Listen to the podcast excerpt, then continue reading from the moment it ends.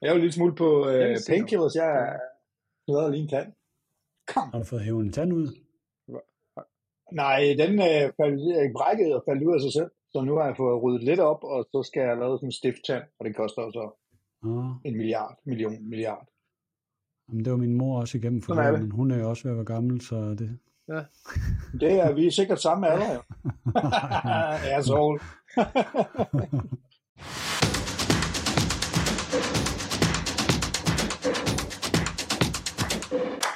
Jamen, øh, velkommen tilbage. Tre senatorer. Vi er samlet. Det har jo været en vild dag i dag med øh, lodtrækning til kvartfinalen, så vi skal tale europæisk fodbold. Vi skal tale fødselsdag. Vi skal lige berøre Marotta. Der er nogen, der har øh, en sten i skoen. Vi skal måske også snakke om øh, mine fire P'er. Øh, og så skal vi kigge frem mod weekenden, som bliver for vild. Vi har både øh, Derby den er Capitale, og vi har også øh, Derby d'Italia. Så øh, der er med med et pakkeprogram her om masser om fodbold, og ikke så meget angstretter, medmindre du har taget nogen med, Brian. Nej, ikke, ikke lige den her gang. Det, øh, Det er for svagt. Det er for svagt. det må vente til en anden god gang. Vi har jo to fødselsdage, vi skal snakke om. Og det første, det er jo i virkeligheden, øh, de er sådan sidestillet, vil jeg sige. Ikke? Den første er en legende. Øh, vores gode ven, øh, Gianni øh, øh, Trapattoni, fyldt øh, 83, var det her forleden dag. Øh, og han har jo faktisk været Okay. i alle vores klubber, og mange andre steder også. Men, øh, men han startede jo i Milan, Brian. startede som spiller Ja. ja. i Milan, og han var vel øh, epitomen af Medianoen. Altså virkelig ham, som øh, gik ind og kiggede på, hvem er playmakeren nummer 10, direktoren på det andet hold. Og så mens dækker vi ham helt ud på toilettet, mere eller mindre, ikke? Og øh, det gjorde han godt. Og han var i hvert fald en, øh, en, en, en stor del af det Milan-hold i 60'erne, som vandt det første europæiske mesterskab for et italiensk Mhm. mm-hmm. hold. Hvor øh, Cesare Maldini var på, og også andre der. Og øh, der var han øh, virkelig en hårdt arbejdende midtbanespiller der. Sådan lidt, øh, Jeg tror, den der grit har han vel taget med sig som træner. Ja, sådan lidt... Øh, nogle gange faldt han helt ned og spille forsvar, og nogle gange så var han den der defensive midtbanespiller, ikke? Fuldt lidt, hvor, øh, hvor, øh, Jo. hvor, hvor de andres tiger var. Ja, altså Milans øh, spil dengang var jo sådan lidt en Catenaccio øh, afart på det, og der galt det jo selvfølgelig først og fremmest om at holde, øh, holde nullet, og der måtte alle spillere hjælpe til efter bedste evne. Og han var i hvert fald en af dem, der havde kompetencerne til at spille det system. Og havde jo også landsholdskarriere som spiller. Jeg kan huske, der er en eller anden røverhistorie med, at han skulle dække Pelé op en gang. Og dengang havde man jo stort set ikke noget videomateriale og sådan noget, så han fik bare at vide, at du skal bare følge ham, ligegyldigt hvor fanden han går hen. Og man så går på toilettet, så kommer du med. Øh, og det var jo også nogle af de øh, kompetencer, han tog med senere, da han, øh, da han stoppede med som spiller og blev træner. Han havde jo en, en, en, en virkelig kort sådan caretaker-rolle i Milan som træner. Og, og blev vel, altså, som jeg husker det, så blev han ikke forlænget, eller i hvert fald ikke. Rygterne siger, at han havde allerede skrevet under med Atalanta, eller i hvert fald givet håndslag på at skulle spille, øh, eller træner i Atalanta. Og så fik han et opkald fra sådan en journalist fra La Stampa, som jo er en nationalavis i Italien, men kommer fra Torino. Og hvor journalisten sagde til ham, jamen prøv at høre, inden du skriver under på noget som helst, så skal du lige, der er lige en, du skal møde. Og så er det sådan noget med, at du skal ud på motorvejen, du skal af på den her afkørsel. Når du kommer af på den afkørsel, så skal du ind på et hotel, og så skal du ind på det her hotelværelse. Og jeg synes, det var sådan lidt weird. Kommer han ind, så er Boniperti derinde, som jo stort set næsten lige er blevet præsident for, for Juventus. Øh, eller, det er han ikke, fem år før, ikke? Men i hvert fald, Boniperti sidder derinde og siger, jamen ved du hvad, det er dig, vi vil have. Hvilket var et lidt specielt valg for Juventus på det tidspunkt, fordi Juventus for det første var man ikke inde i en periode, hvor man sådan var super godt kørende. Øh, og for det andet, så, øh, så var han jo ikke noget trænernavn. Altså, han havde kun haft øh, det her, hvor han overtog for Milan.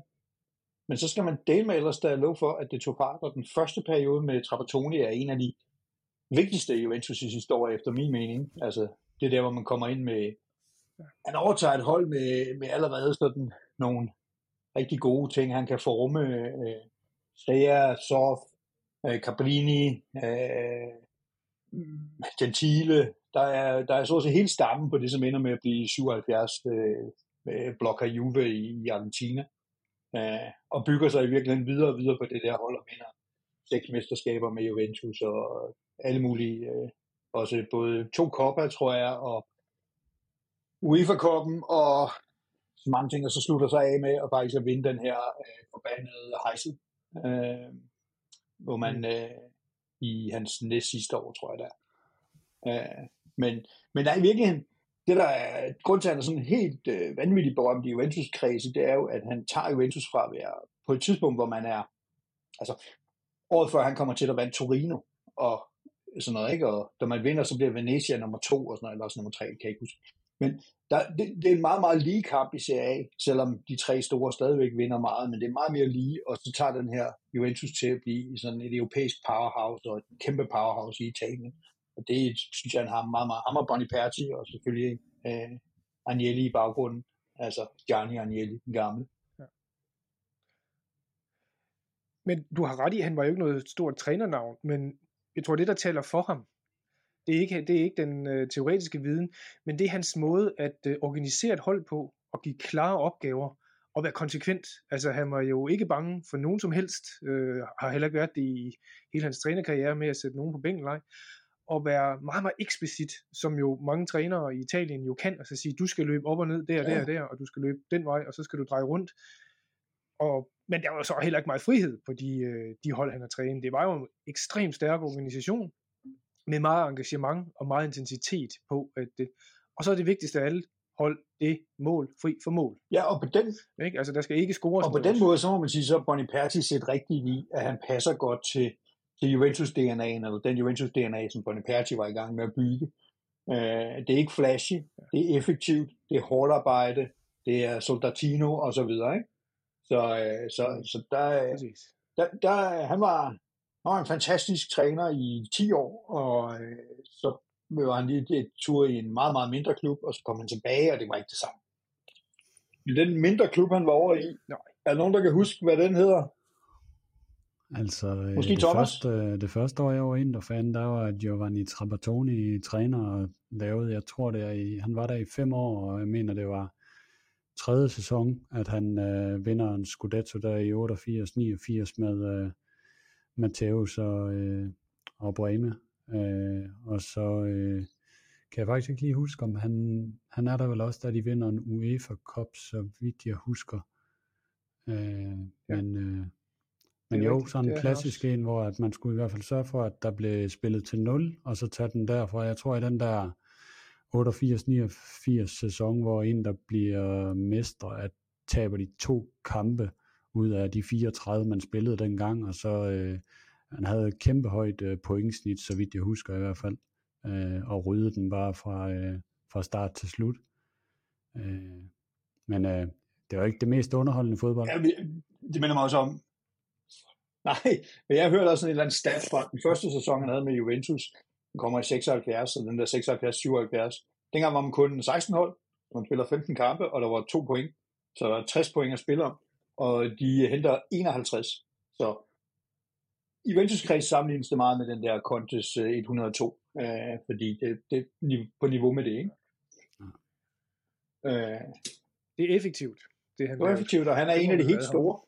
Han har også, øh, han har også været landsholdstræner. Er det, det er noget med, du har kigget på det, Thomas? Ja, det var faktisk lige gået min næse forbi, eller det er i hvert fald øh, glemt, at han egentlig overtog øh, landstrænerposten øh, efter SOF i år 2000, efter man tabte EM-finalen mod Frankrig. Og så havde han det VM i øh, Sydkorea og Japan i 2002, hvor at Italien jo røg ud på den der berømte 8. finale mod Sydkorea, og jeg mener, det var en meksikansk dommer, der hvis havde fået nogle øh, desinger omkring nogle, mm. øh, nogle domme, der i hvert fald godt måtte falde ud til, øh, til Sydkoreas fordel, så, øh, så det var en lidt øh, træls slutrunde, han havde der, og så fik han jo faktisk lidt en, en endnu værre set med italienske øjne, øh, fordi EM Portugal 2004 var jo så den næste, hvor at i hvert fald italienerne jo stadigvæk vil snakke om, at Danmark og Sverige, de kørte en, øh, aftalt 2-2 i den sidste oh, gruppekamp, og dermed ikke gik videre fra, øh, fra puljen, Biscotto-kampen, ja. Så øh, man vandt mod Bulgarien, og så, øh, så havde man jo bare ventet på resultatet fra Danmark-Sverige, hvor en skulle vinde, og så øh, blev den jo selvfølgelig 2-2. Så, øh, så han var ikke så heldig på, øh, på landsholdet der. Det er også en klassisk italiener, den der med at fedte sig igennem, ikke? Og, og bare komme med det allermest minimum point igennem gruppen, og så, øh, og så først rigtig gå i gang bagefter. Ikke? Men den gik ikke der. Der havde vi lige lavet en aftale med svensken nu. Mm-hmm. Øhm, men, vi- og så har han jo, han er også berømt for det her, Bundesliga og Bayern München. Øh, ikke mindst for det pressemøde, hvor, han, øh, hvor, hvor kasketten røg af fuldstændig. Øh, Schwach wie Flasche leer. noget hjemmelavet tysk, kan jeg Ja, forstå. det var... Det må man sige, man skal lige finde ud af det germanske mod det latinske sprog der, og øh, det, kan jo, det, kan jo, det kan jo glippe for enhver, må man sige. Det glippede også med ham. Jeg var i hvert fald sur. Øh, og Ja. vi vil også, øh, ja, det var dengang, hvor Bayern, det var FC Hollywood, ikke? Jo, og man må sige, det er jo sjældent, man ser en træner, nu, nu er det komisk på grund af hans sprogbrug, men det er jo sjældent at se en træner gå amok i offentligheden ja. på en spiller og på klubben og på andre, ikke? Altså virkelig øh, køre sine frustrationer ud. Og man altså, Trapattoni har jo været ved øh, koleriske klubpræsidenter før, hvor det ikke har været et problem, men øh, det blev sgu for meget for ham lige i Bayern München der. Det er episk. Det er simpelthen episk. Slå det op, find det på YouTube, hvis man øh, ikke skulle have set det. Det er en Mm. øh, enestående skideballe på hjemmelavet tysk på et pressemøde. Wissen Sie, warum die Italien Mannschaft kaufen nicht diese Spieler? Weil wir haben gesehen, viel Male zum Spiel. Haben gesagt, sie nicht spielen für die Italiener äh, Meisters. Strunz. Strunz ist zwei Jahre hier, hat gespielt sein Spiel. Ist immer verletzt. Was erlaubt Strunz? Øhm, er der andet, vi skal runde med Trapattoni? Vi har jo et pakket program i dag. Nogen, der brænder ind med Trapattoni-legender. Jamen, er han ikke en af de eneste trænere, der har vundet alle turneringer? Jo, to. Så vidt Jeg ved kan ikke, om der kom nogen til, men UEFA det var han i hvert fald på et tidspunkt, var han en af de få, der havde vundet alle turneringer. Ikke? Altså klubturneringer. Yes. Nej, lad os, øh, lad os komme videre og så øh, snakke han var omkring øh, den- den der gode CA-runde, hvor det gik for godt for alle os hold, og vi kom godt igennem alt det der. Nej, nej, nej, nej, nej, nej. Du glemmer.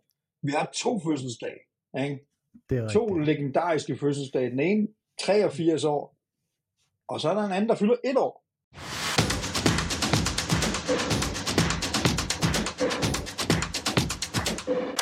Og det er jo os, for fanden. Vi har fødselsdag. Hurra! Hurra, hurra, hurra. Flag daler ned fra himlen. Uno. Ja. og det har vi besluttet, at vi har den øh, 10. april. Og vi fejrer det jo ved at lave live. Vi går sgu live live, ikke? Radio style. Mhm. Så øh, vi kommer til at lave et setup, hvor, hvor øh, vi selvfølgelig er til stede, og hvor man kan deltage i en chat, hvis man har lyst til det. Og man kan også vælge at spørge, om man må være med med billedet, og komme ind og besøge os i det her virtuelle rum, og stille spørgsmål, eller give en sviner, eller hvad man nu har lyst til. Øh, der er open mic, øh, så, øh, så sæt kryds i kalenderen den 10. Det er altså det er den sidste dag i påskeferien, det er vist en søndag, øh, så vidt jeg husker, øh, kl. 20. Enten så kan du se med live på alverdens kanaler. Vi kommer regner med at smide ud på så meget som muligt. Øh, I hvert fald som minimum øh, YouTube og Facebook. Måske også noget Twitter. Må vi se, hvad teknikken holder til. Øh, men vi har været i gang et år, og det her er vores episode nummer 25. Det er en meget god øh, øh, radius for, for sådan et hyggeprojekt. Um, Det må man sige. Vi ser gerne, at folk har tøj på, når de øh, kommer ind til os. Øh, ellers så ryger vi sgu nok i YouTube eller algoritmen, må ikke? altså nøgenhed, det vil vi simpelthen ikke have. Uh, det, ja, vi kender også vores uh, lytterdemografi, og det er, det er primært mænd, og de er fra de 30 og op. Så altså, der er overhovedet ikke noget interessant der. Uh, Men det bliver en ej, det fest. bliver skide sjovt. Det bliver en fest. Det bliver kaotisk. Fuldstændig. Og vi aner ikke, om teknikken Og, øh, holder og sådan sjovt, noget, men og- vi, vi, vi gør det bare. Øh, og så, øh, så må vi se, altså hvad fanden kan der ske? Øh, ingenting. man kan jo sige, hvis, hvis vi kigger tilbage på det her år, så kan vi sige, enten så laver vi noget, der er hardcore struktureret ned til komma, ikke? eller bare kaos og anarki. Ikke? Manglende forberedelse. Og nu går vi lige i anarki. Så nu går vi i ren energi. Der bliver, men vi har også, der bliver muligvis en quiz. En live quiz. Det har øh, Thomas i hvert fald, øh, der er rygter om, at Thomas har connections til en quizmaster.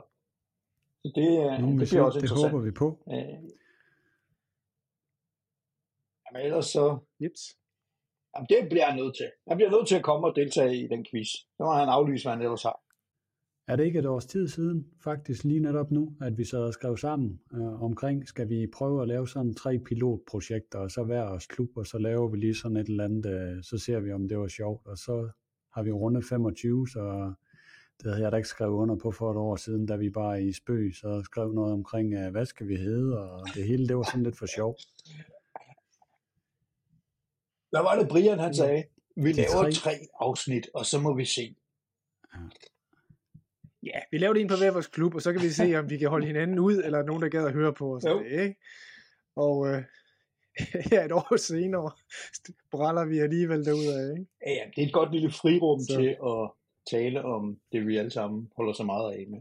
Men vi snakker og snakker og snakker, og røven går. Den 10. april kan man komme ind, sige lige, hvad der passer ind, deltage og være med, og det bliver skide hyggeligt. Øh, Og vi er venlige også mod gæster. Så vil Thomas gerne snakke om sidste runde i Serie A. Jeg har næsten glemt den, så lang tid er det tilbage, men jeg kan godt huske det, når nu jeg tænker om det. Der var noget med en Spezia-kamp eller sådan noget. Jamen, øh, det fedeste med mand, øh, fredagskampe er det jo. Det er jo at vente mig så have en lang weekend foran, så, så se alle konkurrenterne smider dumme point. Øh, så det var bare dejligt at se ind og score på de der 28 hug, man havde på kassen, og afværge modstanderens øh, to forsøg på kassen. Score på at straffespark, og så bare gå fra der med, med tre point. Øh, kid you not. Det var ikke lige det, der skete. Så øh, hold nu kæft en måde at starte en weekend på, mand. Altså, øh, de kunne jo spille den der kamp 100 gange, og Spezia, de vinder den så kun den, øh, den ene. Øh, 15-0 i afslutninger efter første halvleg, og man sidder bare og venter. Jeg kan huske i pausen, der siger jeg til min knægt, vi ved godt, hvordan det her det ender nu, gør vi ikke? Jo. 10 minutter senere, Daniel Maldini bliver skiftet ind, og så øh, er man bagud 1-0. Øh, så, øh, så bliver det bare sådan noget stereotyp, noget hvor man prøver lidt at gå over i, hvad endte vi sidst, 3-4-3, og bare pumpe bolde ind til Lukaku og Dzeko, og håbe på, at der skete et eller andet, og så får vi et eller andet småtyndt straffespark måske, og Lukaku han udligner, og så ved man godt, Dumfries han har fået det der øh, straffespark til sig. To minutter efter, så laver han selvfølgelig en hjerneblødning nede i feltet og begår selv straffespark 2-1, og så taber man den kamp der. Så øh, god weekend, men det var så bare en øh, fornøjelse at så se, at der også var andre, der kunne smide lidt dumme point der i weekenden, men jeg ved ikke rigtig, mente altså, vi, endte jo alligevel med at lægge nummer to, selvom vi laver det der cluster fuck op i Spezia, men vi skal nok bare øh, vi skal nok bare aftale, at Inter kun her i øjeblikket skal spille mod gode hold. Vi skal ikke spille mod øh, de på papiret dårlige hold. Så, øh, så, går det, så går det meget godt. Ja, det var, øh, det var, men hvad fanden går der galt? Altså, hvorfor går de ikke ud og, og lukker den der kamp? Altså, Jamen, hvad, de virkede sådan et energiforladte. Måske var alt, øh, alt rettet mod øh, Champions League øh, midtuge. Der er nogle spillere, der begynder at se lidt træt ud, men altså det, det bliver også svært, når man ikke gider at sparke straffespark ind efter, var det 12 minutter eller sådan noget. Hvis man kommer foran på det straffe, så er det sådan en kamp, man vinder øh, 3-0 eller 3-1, og så bare kører den hjem derfra. Øh, og så ved man godt, at, øh, at der skal ikke ret mange chancer til, før at den øh, ligger i buret nede ved, ved Inter der. Vi havde jo Handanovic på kassen igen der, fordi jo Onana han har et eller andet med, at øh, han skal åbenbart hvile, så der er en træner, der synes indimellem, så øh, det var perfekt at gøre lige der. Hvad fanden skal en hvile for? Altså, Jeg aner ikke, hvad det er for et koncept. altså hvor svært er det? Jeg, det er jo svært, det ved jeg godt. Det er skidesvært. Men er det hårdt? Altså, ja, okay, ja, ja. Men ikke desto mindre. Ja. Øh, Men øh, Milan, I lykkedes jo også at smide to point til, hvad var det, Salernitana? Ja, og nu ved jeg ikke, du sagde, Thomas, jeg synes, han sagde 25 skud i alt. Jeg tror, Milan havde 24 skud i alt. Så der var en mindre der, men øh, ikke desto mindre pænt mange. Og der går kun en ind. Omvendt set, så synes øh, forsvaret lige, at øh, de skulle have en fridag. Nu har de gjort det så godt mod Tottenham, så nu behøver de ikke at møde op. Fordi der kunne egentlig godt have stået 2-1 eller 3-1 til Salernitana. Der var gavehumør i det forsvar, som egentlig var bundsolidt mod Tottenham. Øh, Milan prøver jo, Milan dominerer jo, er måske også lidt uheldig ved, at øh, et hovedstød rammer øh, Kalilys, øh, det hedder, albu, og går dermed ud. Det er vist det, man kalder udtur Men ikke desto mindre, så, så var det jo helt, det, det var jo en, en kamp, der blev spillet lidt på halv gas, som jeg så det. Øh, jeg synes, det er tydeligt at se PT, at, at Milan stadigvæk er et ungt og urutineret hold, fordi at nu, øh, nu, nu har de en, en pokker stejl læringskurve i, øh, i Champions League, og det virker også som om, det er det, klubben rigtig går efter. Virkelig, at øh, sætte alle kræfterne ind på at have det. Og så, så gives der slip i, øh, i CA. Øh, der, der kommer de her slips. Nu 7-9-13, de tabte dog ikke, og det er lidt utroligt, man skal fryde sig over det som Milan, men vi kan vel alle sammen huske januar for Milans vedkommende, hvor, hvor det sejlede rundt omkring der. Så de kan bedre end det her mod Salitan, det ved vi jo. Men de har, de har stadigvæk noget, noget ungdomlighed i sig, og noget naviditet, der gør, at, at de ikke mener, at de nødvendigvis skal møde op med 100%, men, men måske 75% vil være nok. Og det kan man ikke i CA, heller ikke mod et lille hold, for de kan godt score mål. Og så skal man jagte sådan en sejr, og der er, de, øh, der er italienske hold bare så gode til at forsvare. Også er det interne.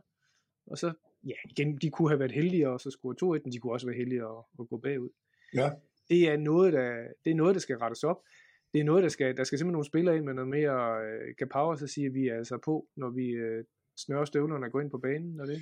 Men det, øh, det er ikke til stede nu ved Milan. Nej, men det begynder at være lidt øh, lakrids med det der top 4 der, ikke? Øh, jo. Øh, der, og der, altså, jeg tror ikke, det bliver bedre, før at Milan ryger ud af Champions League. Og jeg vil egentlig gerne se dem nå så langt i Champions League som muligt, både for klubben og for Italien og alt det der. Det er rigtig godt. Men jeg tror, vi kommer til at se de her udsving, så længe at øh, det tager så meget øh, i hovedet, øh, nok også fysisk, på sådan et hold, der, der skal i gang med at, at, at, at lære at begå sig der, og, at lære at spille både taktisk og omstille sig på den måde der, som de har jo gjort mod Tottenham kontra spillet andre kampe der, ikke? Det kræver nok en del, og den der vildskab, vi så sidste år i, øh, i, i det her hold, som med den der øh, tro på, at man er uovervindelig, den er jo slet ikke til stede, Nej. jo. men den er omvendt set måske også mere, mere moden, fordi at de ser ud til at kan øh, spille en 0-0 hjem, også ude i Europa på svære steder. Vi vender tilbage til, dumt øh, til Europa, fordi det, der er jo øh, rigtig interessante ting der at hente. Men vi skal lige vende det her. Øh, Napoli øh, stiller med de samme igen, stort set. Men det er jo, det er jo de samme 11, 12, 13 spillere, der spiller hele tiden for Napoli. Og de spiller pissegodt, og de kører bare hen over Atalanta. Bim bam bum. Øh, så øh, de er, de er altså i raketfart, øh, og selvfølgelig langt uden for rækkevidde. Altså, der er ikke nogen, der kommer til at nå dem. Mm. Øh, men det er imponerende der med, at de kan blive med at holde momentum, vinde de der kampe igen og igen og igen. Ikke? Altså, hvorfor er det ikke, de ikke tager en fridag, Ja, og og det ikke siger, fordi- ah, fuck it, altså, Atalanta, de kan da også. Altså Atalanta har jo selv kørt den stil nogle gange, hvor de bruger de samme, men, men det jeg synes, der er også interessant, specielt når man kigger på, på vores tre hold, det er, hvordan de er dygtige til ikke at få skader. Om de er heldige eller dygtige, det kan jeg ikke helt blive enig om, men de, øh, de slipper fra den, og det gør jo, at de kan stille med de der sådan, øh, 13, der bare er i kampform, og som har en forståelse med hinanden, og som bare ved, nu har de jo også den der ro på at sige, hvis vi ikke får scoret i første halvleg, så lukker vi tre ind i anden Ja, halvleg. ja, Altså, vi skal nok score. Ikke? imponerende. Jo, man siger, Ja. hatten af for det hold der, de, Det må man sige.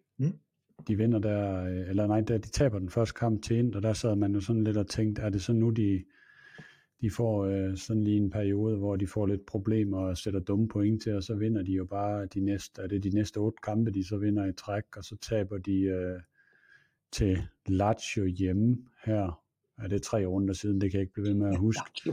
Men så tænker man, så kan der jo godt sådan historisk komme lidt gummiben igen, og så vinder de bare stadigvæk derefter. Så de får ikke rigtig det der, hvor man ligesom ser to kampe i træk, hvor det svigter. Når de har tabt en kamp, jamen så er det som om, at de lige siger, nu genstarter vi lige, og så finder vi lige os selv igen, og så kører de bare på i, i begge, begge turneringer der med de, med de samme spillere. Jeg ved ikke helt, hvad det er, han har tænkt sig at spille i, om han vil vinde allerede i midten af april, så han kan fokusere på øh, Champions League derfra. Men øh, det, det er i hvert fald et voldsomt tempo. Lad os nu de se. er- Lad os nu se. Jamen, Ærligt må man sige, det er et... øh, om man siger, never change a winning team jo. Ja, men øh, der var nogle af dem, der for fanden snart må have en pause. ja, Det skulle man da håbe for. ja, det. Juventus, vi havde besøg af, af den absolutte bundprop, øh, Sampdoria. Og øh, det gik jo helt efter planen, vi kommer foran 2-0, og så, øh, så var der bare et minut komplet kaos, og så stod det 2-2. Øh, men altså, Sampdoria er bare ikke ret gode i år, og endte så med, med at vinde 4-2. Øh, men, øh, men det var da lidt øh, skrækindjagende, at de lige pludselig lavede to kasser øh, på en nultid. Heldigvis med lang tid tilbage, og, og Rabiot gjorde forskellen endnu en gang. Øh, så det var jo rart at se. Ja. Øh, er der andet, vi skal sige om den sidste runde der? Ja, Roma tabte 4-3 til uh, Sassuolo. Så der, bliver, øh, der er vildt gang i den, og Lazio uh, spiller uafgjort mod Bologna. Jeg så, øh, jeg så Roma-kampen hjemme Altså, mod det er Sassuolo. virkelig et, et, et, et sjovt tilløb op. Og den var, mm. øh, den vil jeg sige, den var, øh, jeg, jeg så en Roma-fan inden kampen skrive, at øh, nu har både Inter, Atalanta og Lazio sat point til, så nu er det klassisk, at vi også bare gør det. Så tænker jeg, den skal jeg lige se den her, og så går der 18 minutter, og så er det lige pludselig bagud 2-0 hjemme mod Sassuolo. Uh, så det var bare klassisk uh, Roma der, og Kumbula han bliver udvist uh, rødt kort, uh, og uh, de kommer tilbage på 1-2, og så bliver den så 1-3 på det straffespark, som han, øh, han laver Kumbula der på Berardi, som Berardi scorer på lige inden pausen. Så kom, var det Dybala, der reducerede til 2-3, faktisk sådan et klassisk øh, Dybala-mål med at køle den helt over i, i hjørnet der, og så, øh, så kom øh, den dejlige gamle inderdreng Pinamonti øh, op i overskrifterne igen og fik scoret til 4-2 og så 4-3 til sidst. Så det var sådan en rigtig øh, gong-ho kamp, der der bare bølgede frem og tilbage og havde det hele, og et øh, får vi andre dejligt pointtab til Roma. Det er også et mærkeligt hold, Sas- Ja. Sassuolo, ikke? Altså, så går de ud og laver sådan en der. Jeg ved godt, at Roma får en mand smidt ud og så videre, ikke? Men det er alligevel imponerende og så videre. Og så næste uge, så tager de til et eller andet Spezia eller et andet lortehold. Hmm. Det er faktisk ikke. Ja, de skal faktisk møde Sp- Spezia næste. det var rent pure luck. Det var ikke, øh, det var ikke meningen. Uh, ja, så, så altså, Serie- A er jo helt latterligt spændende omkring uh, nummer 2 til nummer 6. Og, uh, og nummer 1 er ikke specielt spændende, men sådan er det jo. Der har vi jo vist noget tid.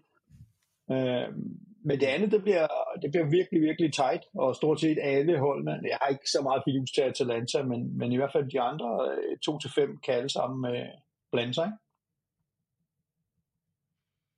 Og der, og der ja, er kun tre sige, pladser. nu har Lazio måske lidt mere nu har Lazio måske lidt mere overskud. Ja, de er ude. Mm. Øhm, ja. Lazio fandme også op og ned, altså. Frem og tilbage. Jeg synes ikke... Øh... Ja, så vinder, de, så vinder de over Napoli, men så tager de alle mulige andre kampe. Jeg, jeg har ikke så meget langtidstro på dem, men altså, ligger jo nummer tre. Ikke desto mindre. Men det bliver, det bliver til Øh, sidste runde, det der, det kommer til at gå. Øh, med hvem der kommer i den der top 4, det bliver en, øh, det bliver en gyser. Det bliver en gyser, ja. og der kommer også, der er også en, en joker, vi kommer tilbage til lidt senere. Så der, Mhm. er, der er simpelthen så meget, øh, der er virkelig rock and roll her. Men øh, skal vi ikke tage hul på øh, dagens, øh, dagens fine lodtrækninger? Øh, Thomas og jeg var lidt uenige om, hvornår det spændende startede, men øh, jeg var på kl. 13 til, øh, til den legendariske Europa League. Øh, og inden da, så trak de lod til den der boomer-turnering. Øh, hold kæft, nogle fede øh, kampe. Og hvor er det bare fedt, at der er seks seriehold med i kvartfinalerne i Europa. Altså, det, er, det kan jeg ikke huske, hvornår det har været. Ja, okay, det kan jeg sikkert godt, men, øh, men det er lang tid siden. Jeg så det i dag, Ulrik. Det var i 19, Skal vi tage den øh, øh, led fra? jeg tror det var i 1998-99 sæson sidst man havde seks hold, der var fremme i øh, kvartfinalerne på tværs af alle de europæiske turneringer. Hold da kæft. Og første gang Fedt. siden Det er sgu tid siden. 2005-6 sæson, mener jeg det er, at man har tre hold i kvartfinalerne i Champions League. Ja, det er, jeg, jeg er lidt uklar på, fordi jeg synes jo egentlig ikke, at Serie er blevet så frygtelig meget stærkere, men, men Napoli er selvfølgelig urørlig og i særklasse lige for tiden, og så er Milan og Inter blevet meget stærkere, så det kan være, det er bare det, der skal til. Men skal vi ikke tage dem nedefra? Og så er der et andet hold, der... Tage dem Så der og andet i min sværere. bog, det betyder, at vi tager Conference League først. Øh, Fiorentina, de skal møde øh, polske Lech Poznan, og med det run, Fiorentina er på i Europa, så er det der en kamp, de, øh, de bestemt kan vinde øh, over to kampe. Mm. Og så begynder tingene at flaske sig lidt. Hvem er egentlig tilbage i conference, som kan give dem kamp til stregen? Sådan noget kan du huske, Thomas. Jamen, øh, inden trækningen, der vil jeg, eller inden øh, runden i går, der ville jeg have sagt, at det var øh, Villarreal, man skulle øh, holde øje med. Men øh, de endte jo faktisk med at ryge ud hjem til, jeg kan simpelthen ikke huske her lige i farten, hvilket hold det var, de røg ud til i går, de, øh, Anderlecht de spanske, ja, det var der Anderlecht, i ja, der kom med danske Brian Reimer, ham der fra FCK, og, og vandt i, øh, vandt i Villarreal. Mm.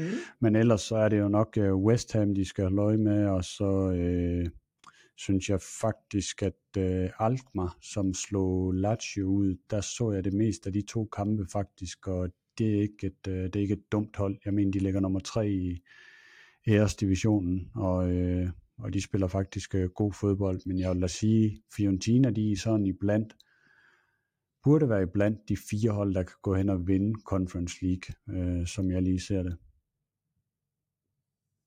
Ja, og Anderlecht og Alkmaar møder hinanden, så de, så det ene af de to forsvinder, ikke? Ja. Øh, og så, øh, så er du, så er du Basel, Nice, og Gent og West Ham tilbage.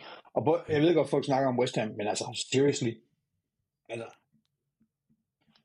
hvem kender I fra West Ham? som sidder på bænken. Ja. Det er faktisk rigtigt.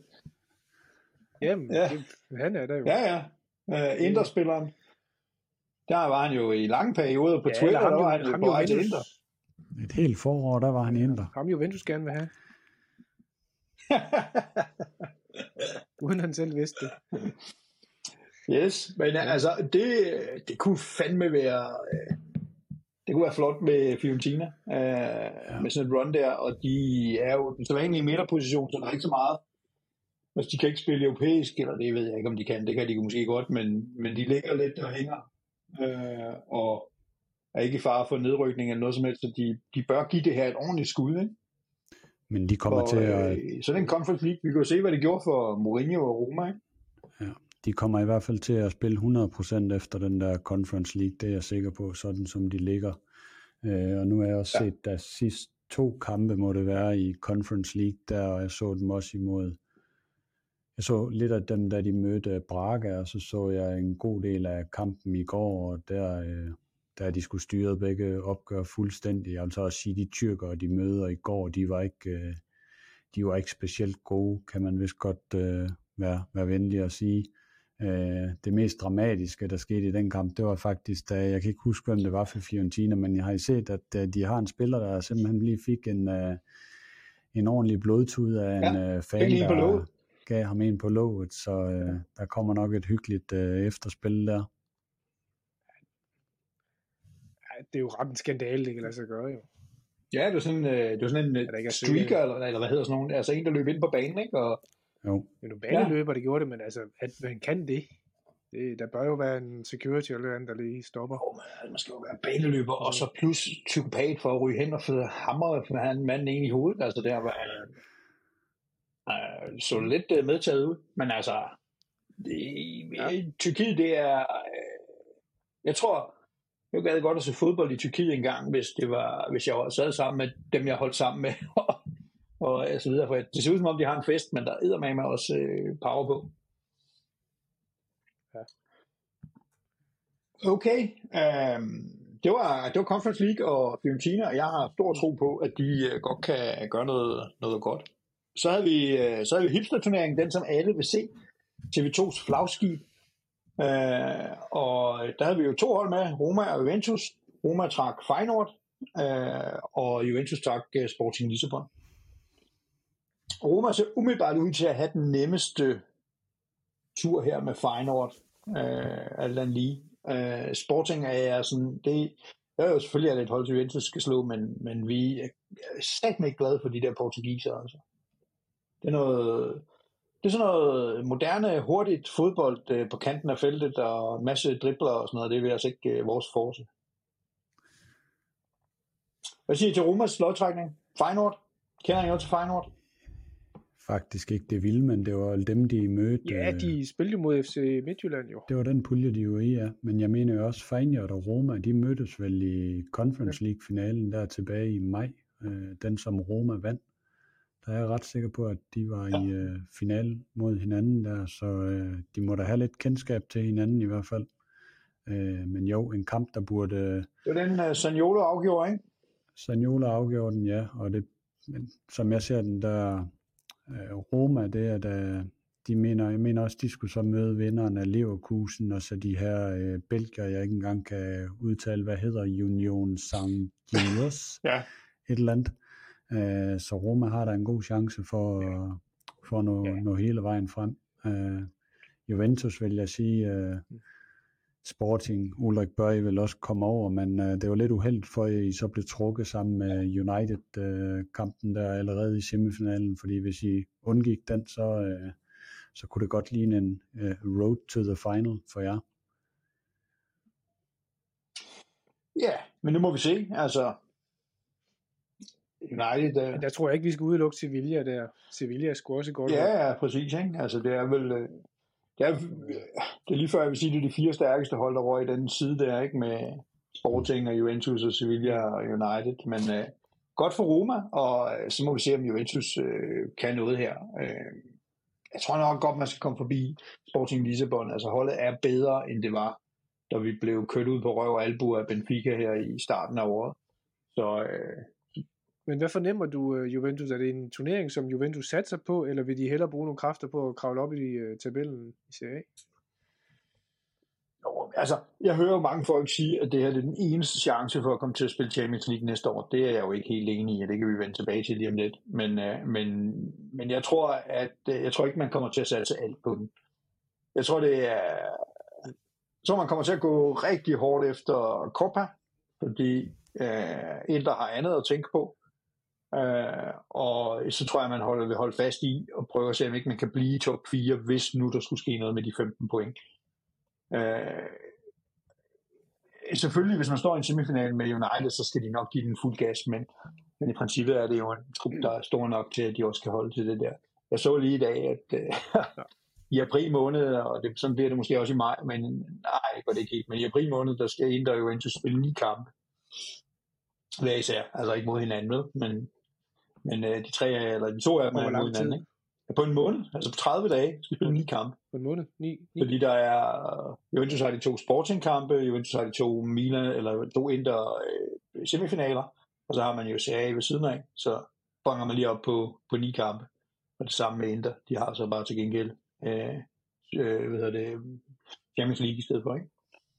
Så, øh, så det bliver, det bliver altid. Jeg tror ikke, Juventus kommer til at vinde den her turnering. Det kan jeg ikke forestille mig. Men de vil da nok gøre et forsøg. Og hvis de rigtige mennesker bliver klar på det rigtige tidspunkt, så er der måske også en chance. Øh, men det kan vi vende tilbage til. Også nogle af de mange ting. Men lad os tale lidt uh, Champions League, fordi der var der æder med med fest på øh, Twitter. Øh, lad os starte med, øh, med Inter.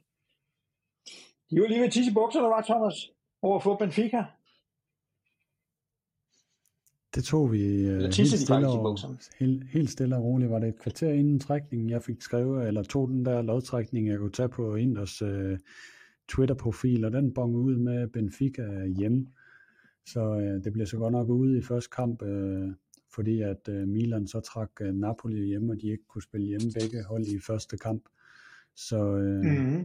så ja, det bliver en tur til Portugal igen, og så må vi jo se, øh, hvordan det går. Men jeg vil jo sige, inden Porto-kampen, der havde jeg vel, jeg mener altså 60-40 til ind, og jeg synes jo, da de to kampe blev spillet, så lignede det øh, uh, 50-50, fordi det vi var igennem der i, uh, i tirsdags, der, det, uh, når man sidder bagefter, så synes jeg, når jeg har hørt folk snakke om kampen, så lyder det sådan lidt ligesom om, at det var Barcelona 2010, og det var et stort bombardement, hvor at man uh, bare blev kørt over.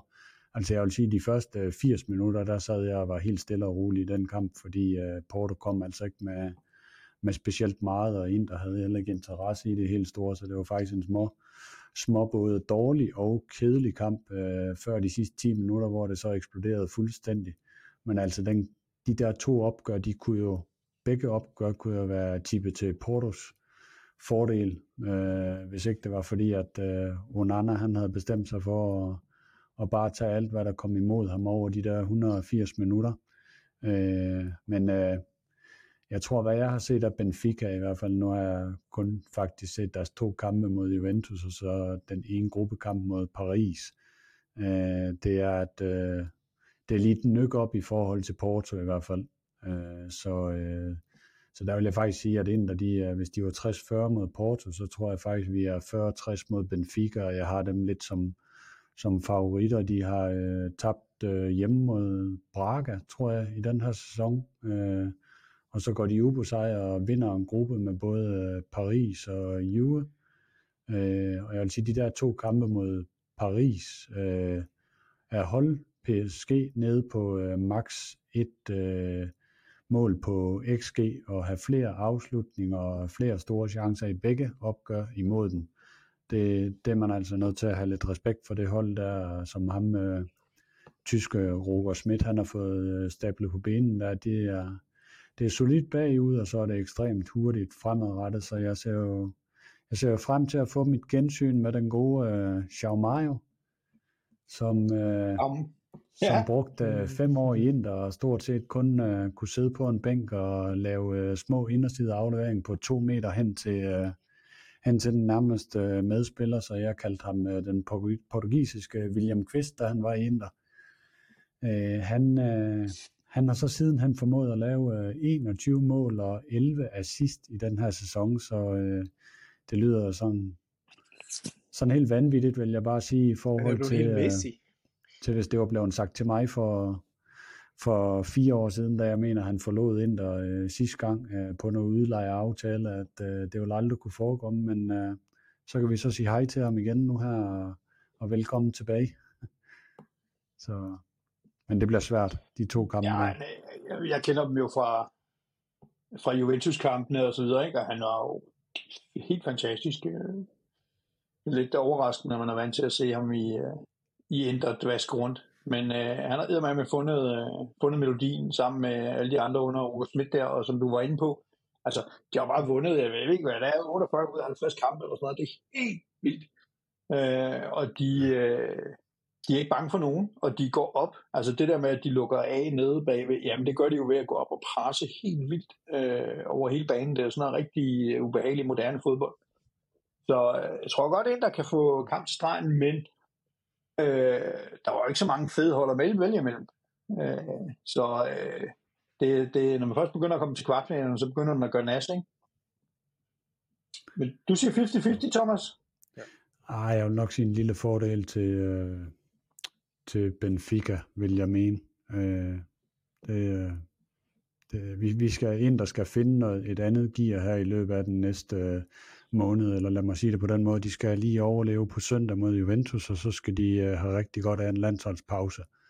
Og så mener jeg, at de har tre kampe inden den første mm. ude mod Benfica, og der skal de altså finde et eller andet uh, nyt gear, fordi de kan ikke spille, som de gjorde i uh, Porto, i hvert fald uh, i sidste kamp, og så overleve over 180 minutter mod Benfica, det sker ikke.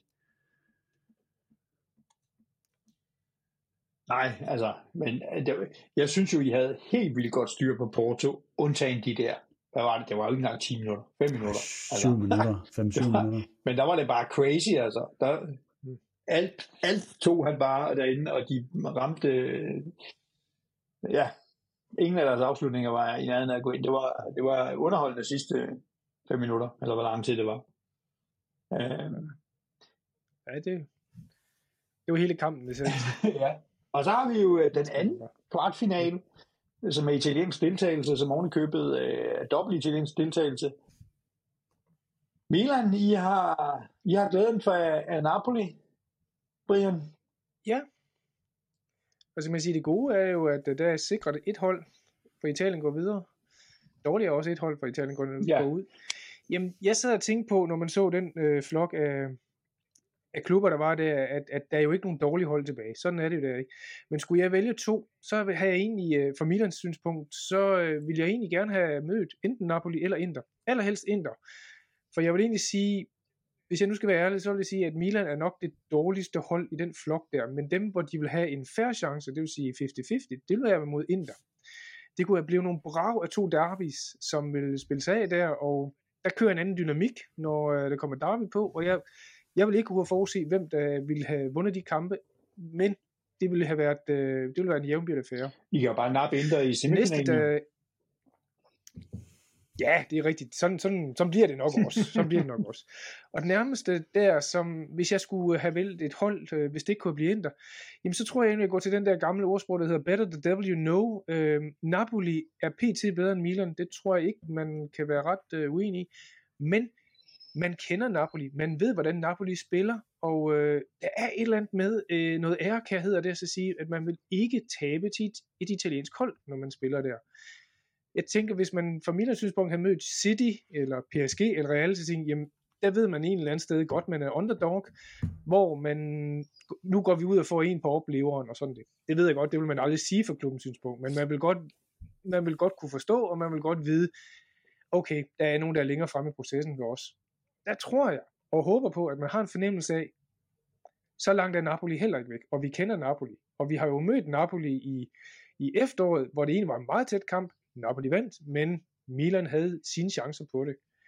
Og øh, man kunne sagtens få, øh, få et, et, pres på, der hedder sig, at Napoli er kørt øh, med Scudettoen, men de skal ikke videre i Champions League. Og nu har vi jo set, at Milan kan godt bide sig fast imod øh, mod hold, altså eksempelvis mod Tottenham, hvor jeg synes, Milan spillede, det var ikke verdens sjoveste to kampe, men det var eddermame en professionel og moden indsats på, hvis man gerne vil videre. De havde fuldstændig styr på den. Der var, så vidt jeg lige kan huske, og det kan være, jeg er lidt biased der, men så havde øh, Harry Kane en stor chance på Mignon, eller Mignon, som han jo hedder, rigtigt udtalt, som han jo bare pillede fra ham, uden at få sved på panden, og i sekvensen efter, så havde min smertesbarn, Ivo Gorigi, jo et skud på stolpen. Så jeg synes jo, de havde jo fuldstændig styr og pakket Tottenham fuldstændig ind. Det kunne jeg også godt forestille mig, at de kunne gøre ved, øh, ved Napoli. Men lad os se. Vi ved jo, at, at Milan kan det der. Øh, og der er, ikke, der er ikke en eneste overraskelse i, øh, i Napolis øh, approach for Milan. Altså hvis Napoli skulle spille mod Chelsea eller nogle af de andre hold, øh, måske undtaget Bayern og så videre, ikke? Så, så tror jeg, at de vil give dem kæmpe problemer. Øh, men Milan ved jo, hvad der kommer. De ved, og de ved, hvordan man skal slå dem. Om de så kan gøre det, det er en helt anden snak. Men man ved alt om, hvordan man skal gøre det. Ikke? Og, øh, så jeg tror, de bliver meget mere lige, end vi går og tror, når vi kigger på stillingen i serien. Øh, Det tror jeg også. Jeg er, jeg er ikke så bekymret for dem her. Altså, chanceforhold vil jeg stadigvæk sige 60-40 Napolis favør. Måske lidt større end der, ikke? Men, øh, men den chance, Milan har, den er jeg 100% sikker på, at den er de selv meget bevidst om, og den vil de gå efter, og de har også værktøjerne til at kan slå Napoli. Og det er ikke en, det er ikke en dum måde, en, en dum, øh, hvad det hedder, viden og fornemmelse at have, når man går ind til en kamp. det var det, vi snakkede om, det, lige inden vi gik på det, og man skal have det der 1-0 på hjemmebane og 0-0 på udebane, så er det videre. Det er en klassiker. Ja. Hvad siger du, Thomas? Hvad ser du den der Milan-Napoli?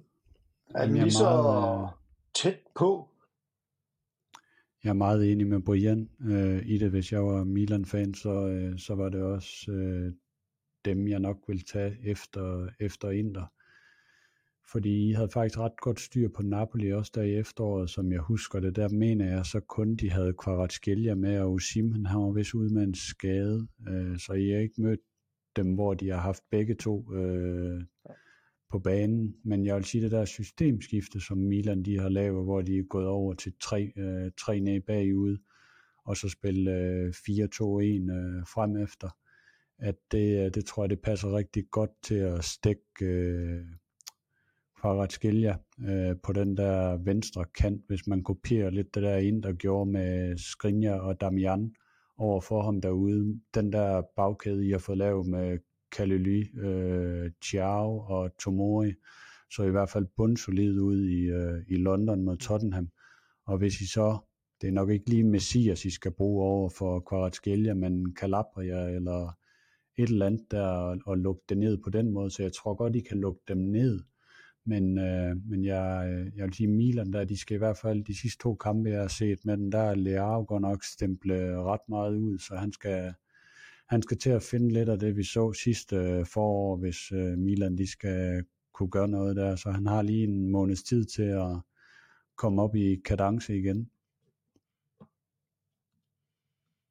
Ja, jamen det er jeg helt enig med dig i. Jeg synes jo, det er jo en, det er jo en enigma med, med Leao, for han, han får jo de muligheder, han, øh, altså, og rammer han skal. Og jeg synes jo, hans, hans første aktion er oftest ja, jeg skulle sige helt guddommelig, men, men, men meget, meget smuk. Han kan blive omringet af to-tre stykker, og så kan han være sig fri, og så kan han drible for en mere. Og så er det, jeg sidder og tænker, så det er nu, du skal aflevere. Det er nu, du skal aflevere. Kom nu, aflevere. Kom nu. Og så laver han en dribling mere, eller skyder et eller andet totalt, i stedet for egentlig at spille den kloge bold, og se sin medspiller eller noget andet der. Og det er så frustrerende at, at se på. Så talentfulde spillere, der, der vidderligt kan splitte et hvert forsvar op, ikke? Laver så dårligt slutprodukt. Og han scorer jo desværre heller ikke lige nu. Så han skal finde sit game frem. Det, det er Milans angreb, det der. Vi ved godt, vi har Giroud, og så har vi også nogle gange en Dias, der kan gøre et eller andet der, ikke? Men, men det er altså Leao, der er den store trussel, hvis han kommer, kommer godt i gænge. Ja, det må man sige. Øh, når han er hot, så er han med med hot. Ja. Øhm, jeg vil Hvem sige, kommer til at vinde Champions League i år? Jeg vil sige det på den måde, at lodtrækninger øh, de sidste rigtig mange år, jeg kan ikke huske, hvornår Italien samlet set har haft så svineheldig en lodtrækning, hvis du ser på tværs af alle turneringer, øh, og komme så heldig ud af den, at man får den der halvdel med Real City og Bayern München over i den ene halvdel, og så Chelsea med, og så får du de tre italienske i den anden halvdel sammen med Benfica. Altså, øh, det, kunne man ikke, det kunne man ikke have skrevet bedre, så nu, hvis Inter slår Benfica, så er vi jo så sikre på, at få italiensk hold i finalen for første gang siden øh, 2017, og Cardiff Ulrik, den, den husker du nok. Men, øh, men ja. Nej. Nå, det gjorde du ikke. Underligt. Mm.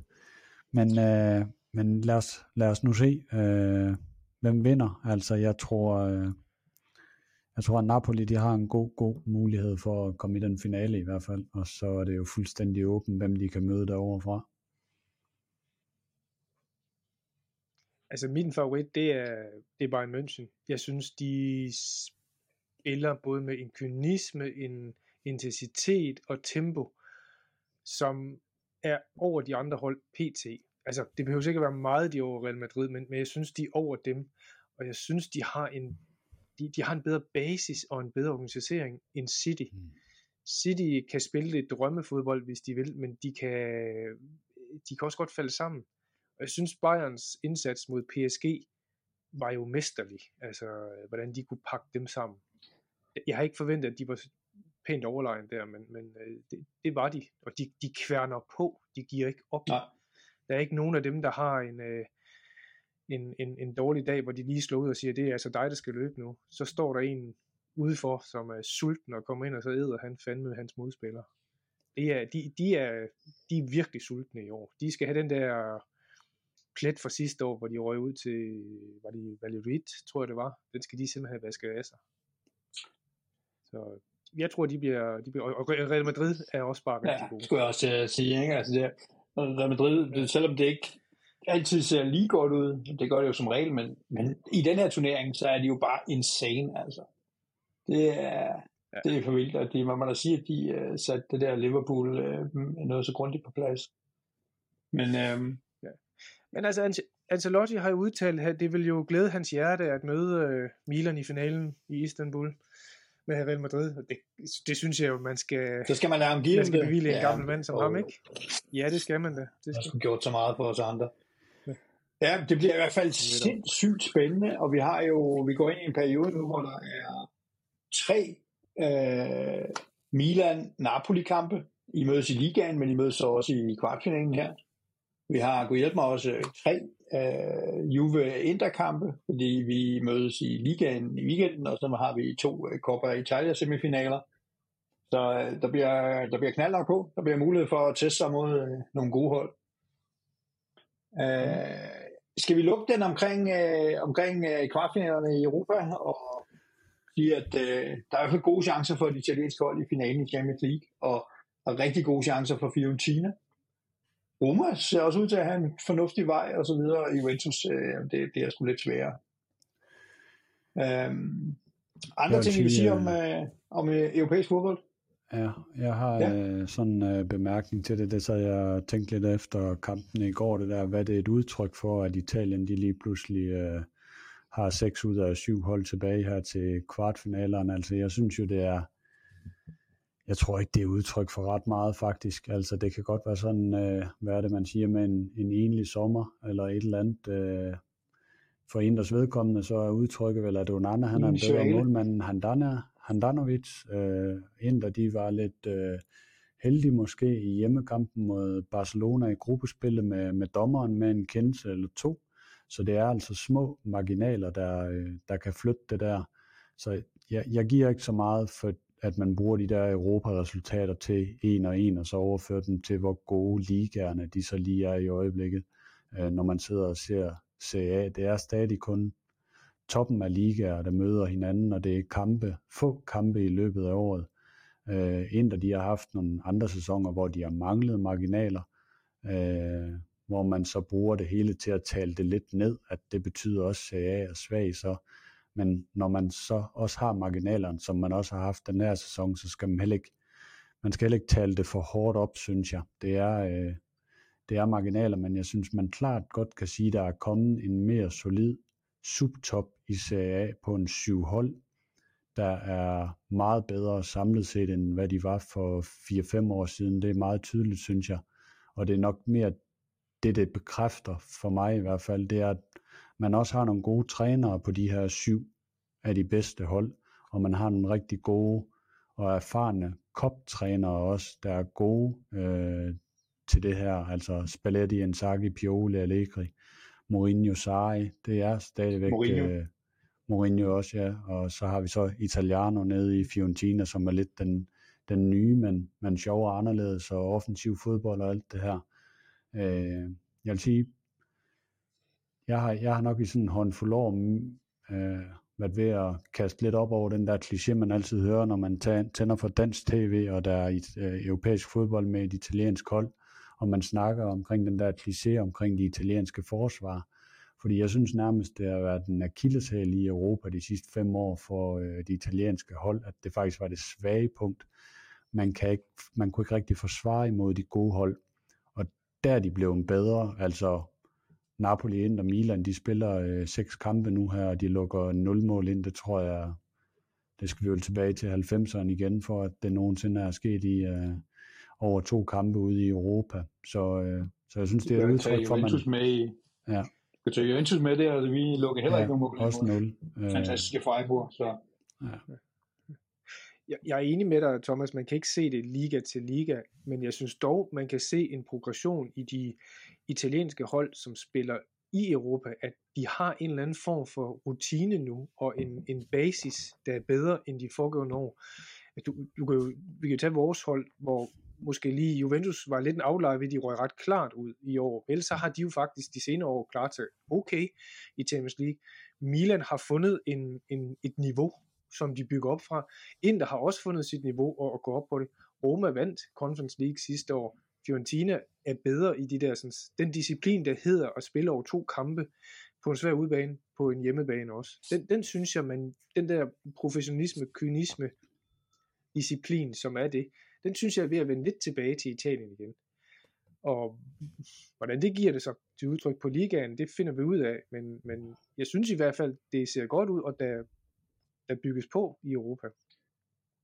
Ja, så jeg tror det vigtigste øh, signal her, eller den vigtigste man kan tage med fra det her, det er, at der er lige pludselig noget europæisk selvtillid i de her hold.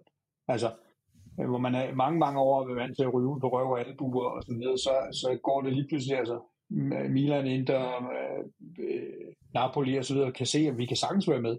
Så man har i, i overvis troet, at det kunne man ikke.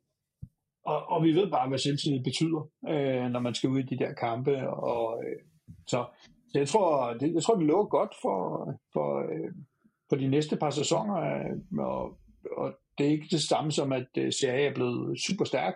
Det er det ikke, men, men øh, jeg, tror, det, jeg tror, vi kommer til at se flere hold i slutningen af turneringerne de næste par år. Specielt dem, der har et ungt hold. Dem, der har gamle hold, de køber bare nogle nye. ja, ja. Det kan man jo altid. Øhm, ja. Vi har et par ting tilbage. Øh, jeg tænkte, øh, Thomas, har du noget, du vil sige til, til Marotta, som, Bebe Marotta, som jeg ved lytter med og ofte kommenterer her på, på, uh, på, på, på YouTube? Er der noget, er der noget han skal vide? Bag ham offentlighed. Jamen, øh, indimellem så får jeg min rants der, og hvis folk de følger mig på Twitter, dem der gør det, så kan de jo så se den afhandling, jeg har lavet derinde, og dem der ikke er på Twitter, de kan jo så få et, et langt brev med en, med en brevdue eller et eller andet. Øh, jeg vil sige det på den måde, at øh, nej, hvad, hvad er det, jeg er træt af? Altså det er jo, at øh, jeg synes, øh, en, der har haft en børnesygdom i, i mange år, og det synes jeg ikke, at han har været med til at løse. Øh, tværtimod faktisk, øh, hvis folk de ser mig harcelere lidt imod italienske medier og sådan noget, så tænker de, at han har sgu da en skrueløs ham der. Det, og det er medierne, jeg er sur på. Det er faktisk ikke medierne, jeg er sur på, fordi de gør jo egentlig bare deres arbejde. Øh, det er faktisk mest klubben, jeg er sur på, over hvordan de håndterer det der, for jeg kan ikke, øh, jeg kan ikke sætte mig ind i, hvad det er, man tror, man har godt ud af, at hver gang man har sat et point til mod Monza, Empoli, Sampdoria, Bologna, Spezia, den række der, så lader man en, øh, en manager riste øh, sig i medierne de næste 5-6 kampe, inden der bliver ladt op til den næste kamp, og går slet ikke ud kommunikativt og øh, enten bakker træneren op offentligt, eller, øh, eller skyder bare lidt igen mod medierne og siger, nu må I lige stoppe. Og den der øh, håndtering, den ligner bare nøjagtigt det, jeg så øh, for to og et halvt år siden, da Konte han har haft sin anden sæson i Inter, hvor at han også brokkes over det samme, at man lader pressen gå på spillere og på trænere, uden der er nogen øh, fra ledelsen, der går ind og øh, øh, er en stopklods over for det der. Øh, og nu så jeg det samme igen, at øh, man taber i Spezia, og så lader man en Saki være fyringstrue, indtil man spiller i øh, Porto, og så kommer man positivt for den, og så er der virkelig alle folk fra ledelsen, der kan stille sig ud og udtale, at det var også øh, en Sakis fortjeneste, selvom han får lidt kritik i medierne. Men hvorfor får han kritik i medierne? Det er jo på grund af jer selv og jeres øh, fuldstændig øh, laissez-faire håndtering af, hvordan man styrer kommunikation i år 2023. Og der synes jeg bare, at han er en, øh, han er en dinosaur, fordi mange af de problemer, som øh, Inzaghi han står med for mig at se, de hviler lige så meget tilbage på Marotta selv, som de gør på, øh, på Inzaghi, som absolut ikke er fejlfri. Det er ikke det, jeg sidder og siger. Jeg siger bare, at, øh, at jeg kan slet ikke forstå, hvorfor man hvorfor vælger man så at forlænge med Inzaghi efter sidste sæson, hvor man bliver to og vinder øh, Coppa Italia og kommer i 8. når at han opfylder alle sæsonmål, for så i den her sæson, hvor at man jo ikke, man har fire point færre i Serie A, ja, men man var i en endnu sværere Champions League-pulje og komme videre, og nu er man så godt også kommet i kvartfinalen, og man er stadigvæk med i Copa Italia. Hvorfor man skal, skal man så ud og, og lade ham riste i medierne på den måde øh, endnu en gang? Altså baggrunden for det hele er jo, at øh, Inzaghi han udtalte øh, efter kampen, at, øh, at øh, han var opmærksom på kritikken, og han skulle nok tale, når der var tid til at tale. Altså, nu har jeg fulgt ind der i 35 år, og jeg har set det her med seks eller syv trænere, at når først man udtaler den sætning der, så ved Inzaghi godt, at han er færdig til sommer, uanset hvad han så gør. Ja, han er færdig til sommer, ikke? Men er det, er det så, Jo. men er det så ikke klog kommunikationsstrategi fra en management, og så sige, vi holder ham udstrakt arm? Jo, for Nå, deres tænker egen bare røv, på, det, det, det, det du efterlyser, ja, jamen helt enig, men det du efterlyser, er det i virkeligheden det, som Maldini gjorde, da Pioli, han var så meget ude at skide i Ja. januar. Ja. Og så jeg synes ikke nødvendigvis, det var, det var pisse klogt, det Pioli, hvad det hedder, Maldini sagde, men han stillede sig op, og han stod der med mikrofonerne i fjeset, og sagde noget, og bla bla, og Kalma og sådan, ikke? Det, det, det er en eller anden, der går ud og siger, vi, vi er dog to om tre eller fire om det, Det her. kræver, at, øh, det kræver, at det Marotta, han gør nøjagtigt det samme som Maldini den ene gang. Maldini han havde behov for at gøre det, efter man tabte 4-0 i, øh, i Lazio, og der begyndte at blive skudt lidt imod Pioli. Han stillede sig op til et interview, og så sagde han, at han sad helt sikkert i sadlen, og der skulle ikke skiftes om der, øh, så der var ikke noget der at øh, blive ved med at spænde historie på herfra, så til øh, påsken, eller hvornår sæsonen slutter i maj, pinsedagene. Øh, og det, øh, det synes jeg, det er bare så ringe, at øh, en, der ikke gør det. Jeg ved godt, hvorfor at Marotta ikke gør det. Det er fordi, at så smider han selv hans hånd på kogepladen. Nu her, øh, så er det sjovere at se. Ikke sjovere at se, men det er strategisk nemmere for ham at lade Inzaghi tage kampen alene med medierne, og hvis det går galt, så kan han altid sige hen mod sæsonslut, at vi var nødt til at fyre ham, fordi at situationen var også uholdbar, og miljøet blev dårligt og alt det her. Hvis han går ud og bakker ham op nu, så peger han jo også på sig selv, når at sæsonen er slut, hvis han skal fyres. Altså, der var også, der var også en anden mulighed, som er den gode gamle Mochi, altså, som jo gik ud og bakkede op øh, øh dagen før han så fyrede folk. Altså, han var bare en løgnhals, ikke? øh, men altså, det finder pressen jo også ud af på et eller andet tidspunkt, at øh, man ikke kan stole på, på Tia. Øh, men altså, hvad, hvad tror du? Tror du, at en sang er færdig til sommer, uanset hvad? Altså, I bliver jo ikke de italienske mestre, det kan jeg godt afsløre. I kan muligvis vinde en uh, pokaltitel, og I kan også muligvis vinde Champions League. Den er, sidste er lidt farfetched. Ja. Så, hvad tror du? Øh, jeg vil sige det på den måde, at hvis Inter de ikke kommer i, hvis de kommer i Champions League semifinalen, og de gør det øh, godt der, men stadigvæk ryger ud, så er der måske en chance for, at han bliver. Men ryger de nu ud mod Benfica, og så selvom de skulle blive to i Serie A og vinde Coppa Italia, så tror jeg stadigvæk, han er dead man walking. Så det er sådan noget helt uh, urealistisk uh, Champions League uh, finaleplads, der skal til, før at uh, han, han bliver næste sæson. Det, det her, det stinker rigtig meget af, af Spallettis uh, to år i Inter, der også sluttede sådan med, at han lige indfriede ambitionerne, og så heller ikke mere til, men alligevel så røg han. Det kommer helt an på, hvad det er, Marotta han står og har i, øh, i hans plan B, øh, hvordan jeg ser på det her, fordi hvis det er mere af det, mere af det samme som det, jeg vil komme til at kalde hans øh, i gåsøjne, det han kender netværk, øh, han tager af, så vil han først kigge på Mourinho, og så vil han måske kigge på Conte, hvis Conte han går lidt ned i løn, og så er det den type, han går efter, den der driftssikre, der kender Italien og alt det der. Han har aldrig gå ud og lave et eller andet øh, øh, Thiago Motta-eksperiment eller sådan noget. Det, øh, det, det bliver ikke med Marotta ved sadlen, at vi gør det. Han går bare og venter på, at Allegri bliver ledig, ikke? Ja, det, Det er jo som jeg så skrev, så, var det, så, er det, så er det jo option A, hvis det er, at Juve de ryger ned i CB. Så, øh, men okay, det er jo interessant, øh, fordi jeg er jo ikke helt sikker på, at næsten ligegyldigt, hvem fanden der kommer ind som træner, at det vil løfte Inters niveau. Altså, øh, er Inter ikke tæt på at være der, hvor de kan være med den trup, de har? Altså, Jo, for mig at se, kan han ikke få mere ud af det med den Mm. trup, han har haft til rådighed i år, sådan som sæsonen har udspillet sig med Brozovic og Lukaku, der har været ude øh, over halvdelen af kampen, og nok kun til rådighed 100% i øh, 20% af kampen i år. Øh, og man har haft en lidt dårlig situation omkring Skriniar for længe, ikke for længe. Det har også spillet ind på nogle ting. Øh, så med de Ja ting, han har haft til, til rådighed, og især hvis du kigger på hans forudsætninger, efter han overtog fra Conte, så er han jo ikke så er det jo ikke de store stjerner, han har fået tilført, kan man vist roligt sige. Han har mest fået at vide, at han skulle leve med det, vi kunne finde penge til, og så skulle han lige uh, af med et par spillere der den første sæson.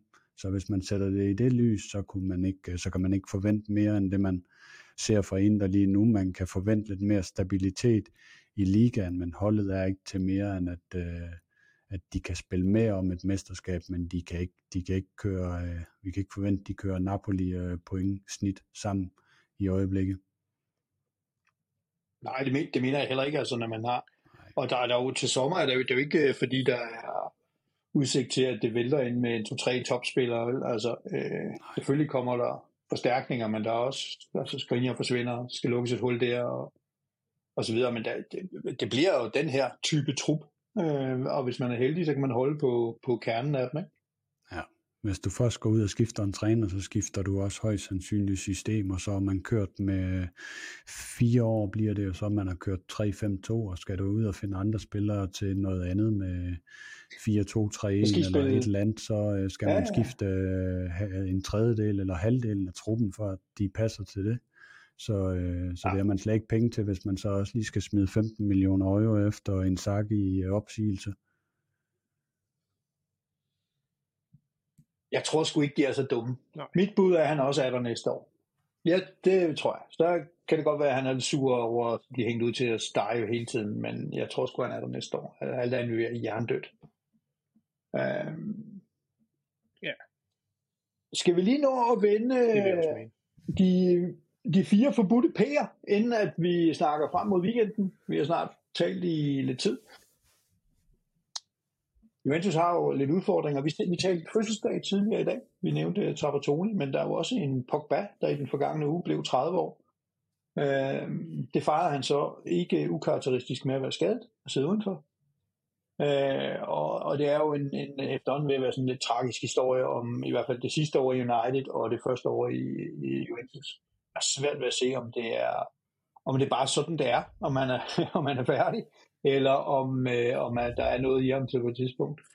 Øh, der han kommer i hvert fald ikke til at spille nogen sådan betydelig rolle øh, i slutningen af sæsonen her. Det kan jeg ikke forestille mig, han er altså, ja, det er jo to år siden, han har spillet en hel kamp.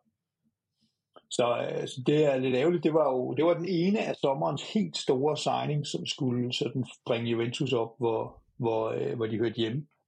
Øh, den anden var Di Maria, han gør det jo fantastisk, men altså, han er 36, og han er også lidt skrøbelig, og indimellem så skal han have en pause, og spiller sjældent alle 90 minutter. Det er fint. Det er super, øh, super, i hvert fald det sidste efter VM, så har han jo været en fantastisk fodboldspiller, måske ja, en af Series bedste. Øh, men så er der en anden, som blev hentet i sommer, så jeg var jo lykkelig i sommer, fordi jeg tænkte, vi får Di Maria, han er fantastisk fodboldspiller, vi får øh, Pogba, han er fantastisk fodboldspiller, og så får vi den, som vi har let efter rigtig, rigtig, rigtig længe, nemlig Leandro Paredes, som Juventus har fulgt i 4, 5, 6 år, eller nærmest lige siden han var i Roma, og sagt, det her det er manden, der kan gå ind og være jernmand og regista, eller sådan en anden type regista, selvfølgelig en Pirlo, men regista inde på, på midtbanen, og så for stabilitet og lukke af og alt muligt. Han har været en kæmpe skandal. Øh, og jeg aner ikke, hvad der, er, der foregår, men øh, han spiller jo ikke mere. Han er overhalet af alle de unge og, øh, og er helt øh, nærmest demonstrativt øh, sat ud. Og nu, selv i sådan noget, hvor man skal skifte nogen ind de sidste fem minutter, så bliver det ikke aldrig ham. Han, er, han har været frygtelig fodboldspiller, øh, og formentlig trådt en masse mennesker over tæerne. Øh, så det er, det er en sørgelig historie med Paredes. Øh, øh, han er jo en bedre fodboldspiller. Han har spillet i ja, Roma, PSG, og på det italienske eller på det argentinske landshold er han jo fast mand og han virker bare som, øh, som helt ved siden af på det her Juventus-hold. Så øh, det er lidt øh, en sørgelig historie med ham. Øh, og det minder mig lidt om det her med, at øh, Juventus har en aftale. Altså han er lånt med option. Øh, og, og derfor så siger alle folk, og pressen siger hele tiden, ja ja, men så Juventus tager ikke, øh, tager ikke den option, sender han bare retur. Men rigtig mange af de her aftaler er jo finansielle instrumenter. Og hvis, øh, hvis, hvis alle folk sendte deres spillere retur og så videre frem og tilbage, så, så ville det begynde at blive rigtig svært at planlægge efter, og det bliver rigtig svært at, at styre, og spillerne ville blive sendt frem og tilbage som kastebold. Mit gæt er, at øh, jeg har ikke undersøgt det, så det er bare et skud for hoften, men jeg tror 90% af de øh, lån med option ender med at blive indfriet, og det, det option ender bare med, at man prisen er til diskussion den bliver lavere. Hvorimod hvis det er med en, en forpligtelse, jamen så bliver prisen det, den bliver. Øh, mm. Så jeg, jeg, jeg, jeg tror, Juventus har lidt et problem her. Jeg ved ikke rigtig, hvad de skal stille op. Enten så skal de sende ham retur, og dermed bryde lidt den her øh, aftale, som man har mellem holdene om, at øh, når man først har lånt nogen, så beholder man dem. Øh, eller også så skal man prøve at se, om man kan finde den fodboldspiller derinde bagved et eller andet sted. Men nu får I vel også øh, Arthur tilbage fra Liverpool, gør I ikke det, Ulla? Jamen det er det, er derfor, jeg taler så hårdt for, at det her, det, de her lån med option, det bliver nødt til at være en form for forpligtelse, ikke? fordi vi har også Zakaria ude, og vi har alt muligt lort ude, som, øh, som vi gerne vil have, helst ikke vil have tilbage. Uh, ja. Men altså, ja, altså, set over de sidste tre måneder, jamen, så vil jeg næsten hellere have Arthur at sidde ude på bænken og være skadet, øh, end, end, end øh, sidde parade sidde ude og være sumulig.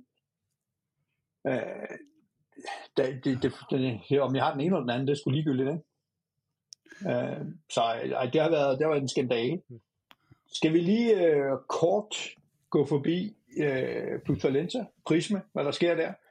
Øh, Plus Valenza er jo i Koni, og der kommer en afgørelse, de har nu besluttet, hvornår ja, de skal mødes. Det er om 33 dage, tror jeg, der er det den 19.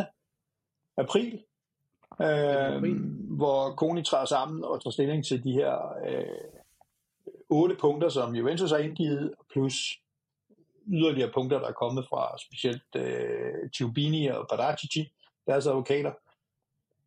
Og så må vi se. Mit gæt er nu, og det er bare et gæt. Jeg ved jo ikke en skid mere om nogen som helst andre. Mit gæt er faktisk, at Kone kommer til at sige, at det her det er gået for stærkt, det er gået for hurtigt, det har været for aggressivt. Øh, det er ikke det samme som Juventus er uskyldige, så derfor så sender vi den her retur. Øh, fordi de har den mulighed, de har, de har muligheden for, at de kan selvfølgelig stadfæste og sige, alt er gået efter planen, der er ingen problemer, de minus 15 står. Det er en mulighed. En anden mulighed er, at de siger, at det her det er, det er sådan et, øh, et justitsmord af usete dimensioner, så, øh, så den her sag den er afvist. Men den tredje mellemting, de har, de kan ikke sige, vi synes, det skal være 4 point i stedet for 15. Det kan de ikke gøre. Men de kan sige, vi synes ikke, at alt er foregået efter bogen, så vi sender en retur, det skal foregå som en ny retssag. Øh, og det tror jeg faktisk er det mest realistiske, vi kommer til at se. Så mit gæt er, når vi når den 19.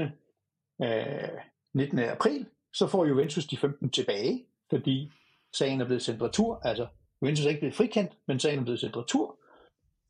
Så går FIGC i tænkeboks. Hvad skal de så gøre? De er nødt til at køre en ny sag. Formentlig skal de forberede sig lidt, og hvis de er kloge, så venter de på, at der kommer en afgørelse over for prismesagen, som jo handler om to ting, som handler både om salary maneuver og om øh, plus Valenza. Og hvis de venter på den, så får de en, noget, et meget mere fast grundlag at stå på. Altså hvis Juventus dømmes i Prisme, jamen så er der noget meget bedre grund for, at FIGC kan gå ind og uddele de her sportslige øh, domme. Men mit gæt er, at Prisme først afgøres i første instans til sommer. Så mindblowing situation bliver jo, at Juventus, forudser jeg, får de 15 tilbage midlertidigt. Så spiller vi sæsonen færdig. Et af Lazio, Milan og Roma bliver skubbet ud af top 4 og bliver rasende så har vi en sommer med prismeafgørelse, så har vi en sommer med FIGC-retssag igen, og så kan det være, at Juventus faktisk bliver idømt med tilbagevirkende kraft, og så kan det være, at øh, de har holdt indtræder igen i top 4 og så videre. Det bliver et fucking nightmare. Men altså, det er i hvert fald min forudsigelse. Øh, det tror jeg, det kommer til at gøre. Det er, hvad jeg læser ud af det. Men øh, vi er nok nødt til at være ærlig og sige, at jeg ved ikke mere end alle mulige andre. Det er bare mit gæt. Jeg tror også, at vi får et øh, 2006 øh, flashback, og den her sommer øh, 2023, der er der ikke nogen uh, EM eller VM eller OL-turneringer, så der er en hel sommer, hvor de italienske medier kun har det her at uh, snakke om, så det skal nok blive uh, et festfyrværkeri for enhver journalist, uh, fordi jeg tror på det samme scenarie udspiller sig, som du siger, Ulrik. Ja, og, så, mm. og, og det er jo helt forståeligt. Altså, jeg mener jo, hvis jeg var Lazio og blev skubbet ud af top 4 på grund af, at mm. Juventus fik de her point tilbage, og ret sagen skulle gå om, så ville jeg også gå amok. Så Roma, der blev skubbet ud, vil jeg også gå amok. Milan, altså hvem der nu er, der bliver skubbet ud. Selvfølgelig. På det, og, og, og, og, og min grundholdning er jo tilbage til, at jeg mener simpelthen, Kone, undskyld, FIGC har været for hurtig på aftrækkeren. De skulle have ventet og så fået en rigtig dom ved en civil sag, altså prismesagen, så kunne de tage stilling til alle tingene, salary maneuver, manglende samarbejde, øh, organisering i tværs af klubberne, alle de der forskellige ting, der indgår i prismen. Og så kunne de have sagt, prøv at der er de her 7 forskellige ting, og derfor får Juventus den her hammer. Det ville så først have været sket til sommer og sådan noget, men de har været for tidligt ude, øh, efter min mening. Men mm. altså, who the fuck knows? Men det er, det er Italien, og det er sportsiver, og det kan også være, at den bare står den 19. Og så må vi jo se, om vi kan komme med i Europa League. Altså, clusterfuck-situationen, den er meget realistisk, øh, og det er fandme svært at gætte på, hvad overhovedet der kommer der. Der er også den mulighed for, at Koni siger, jamen præcedens for det her, den er lige 0, ergo er vi på ukendt territorium, men det vi kan se frem i, hvis det her står til trone som sådan, det er ret undergravende for hele både den professionelle fodbold i Italien og måske professionel sport i Italien generelt på holdsport. Ergo lukker vi til med det samme og siger, vi er godt klar over, at processen er måske ikke juhu god. Det er bare ikke et argument, de kan lave, Brian. De, de, de, de, de skal lave et procesargument, Nej, de kan ikke lave et øh, substansargument. De, de, de, prøv at høre, de, de vil jo heller ikke gøre det på den her måde. Men de vil jo sige, hvis de skulle se en proces, at de skal jo gå ind og påpege fejl i processen, ikke? Det er jo ikke sikkert, at de kan finde fejl i en proces. Hvis, hvis der ikke er en fejl i en proces, så er den jo rent. Og så må de gå ind og kigge det. Og det er jo, du, du, du taler jo om, at de er hårde, og de har været for hurtige. Jamen det er jo ikke en, en substantiel ting på det, hvis der er en fejl i en proces. Det, der er jo ikke noget vejen med en hurtig proces. Det kan man jo sagtens have. Nej, men der er ofte mange Igen, fejl i en... Jeg, jeg, jeg, jeg ved jo heller ikke frem og tilbage. Nej, men der er ofte flere fejl i en hurtig proces. Men min pointe er heller ikke så meget det her med... Altså, de to ting er lidt adskilt fra hinanden, fordi de kunne godt have lavet en hurtig proces og fået en klar, klart win og så videre, men, men jeg synes jo helt generelt bare, at de skulle have ventet på, at det rigtige retssystem det, undersøgt det, det, det, det, det, er de jo netop ikke. Det er jo på en fredag, det er afgjort. Det er sgu da i betonen af en hurtig proces, ikke? Og det er jo, det er jo mere eller mindre. Det er jo løbet i 100 altså, år. Så, så, øh, det er løbet i 100 år. Jo jo, men så, så, så kommer der nye ting frem, og så bliver det hele afgjort på fredag. Det, det er også der, jeg synes, hvis jeg skal gå der lidt i møde her, ikke? Det, det, det er ikke bare hurtig proces, det er ekstremt speed proces på det. Ikke? Men det kan jo tyde på mange ting. Det kan tyde på, at vi skal have en hurtig win, koste hvad det koste vil. Det kan også sige, vi er så sikre i den her sag, der er ikke noget at komme efter. Slam. Der er de to udfaldsrum.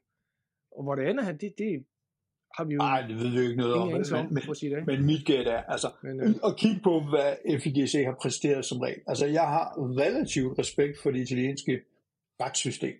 Jeg har meget lidt respekt for det italienske sportsretssystem. Jeg synes, FIGC har en glimrende rolle til at sige, at du skal have to dages karantæne for den takling, Brian.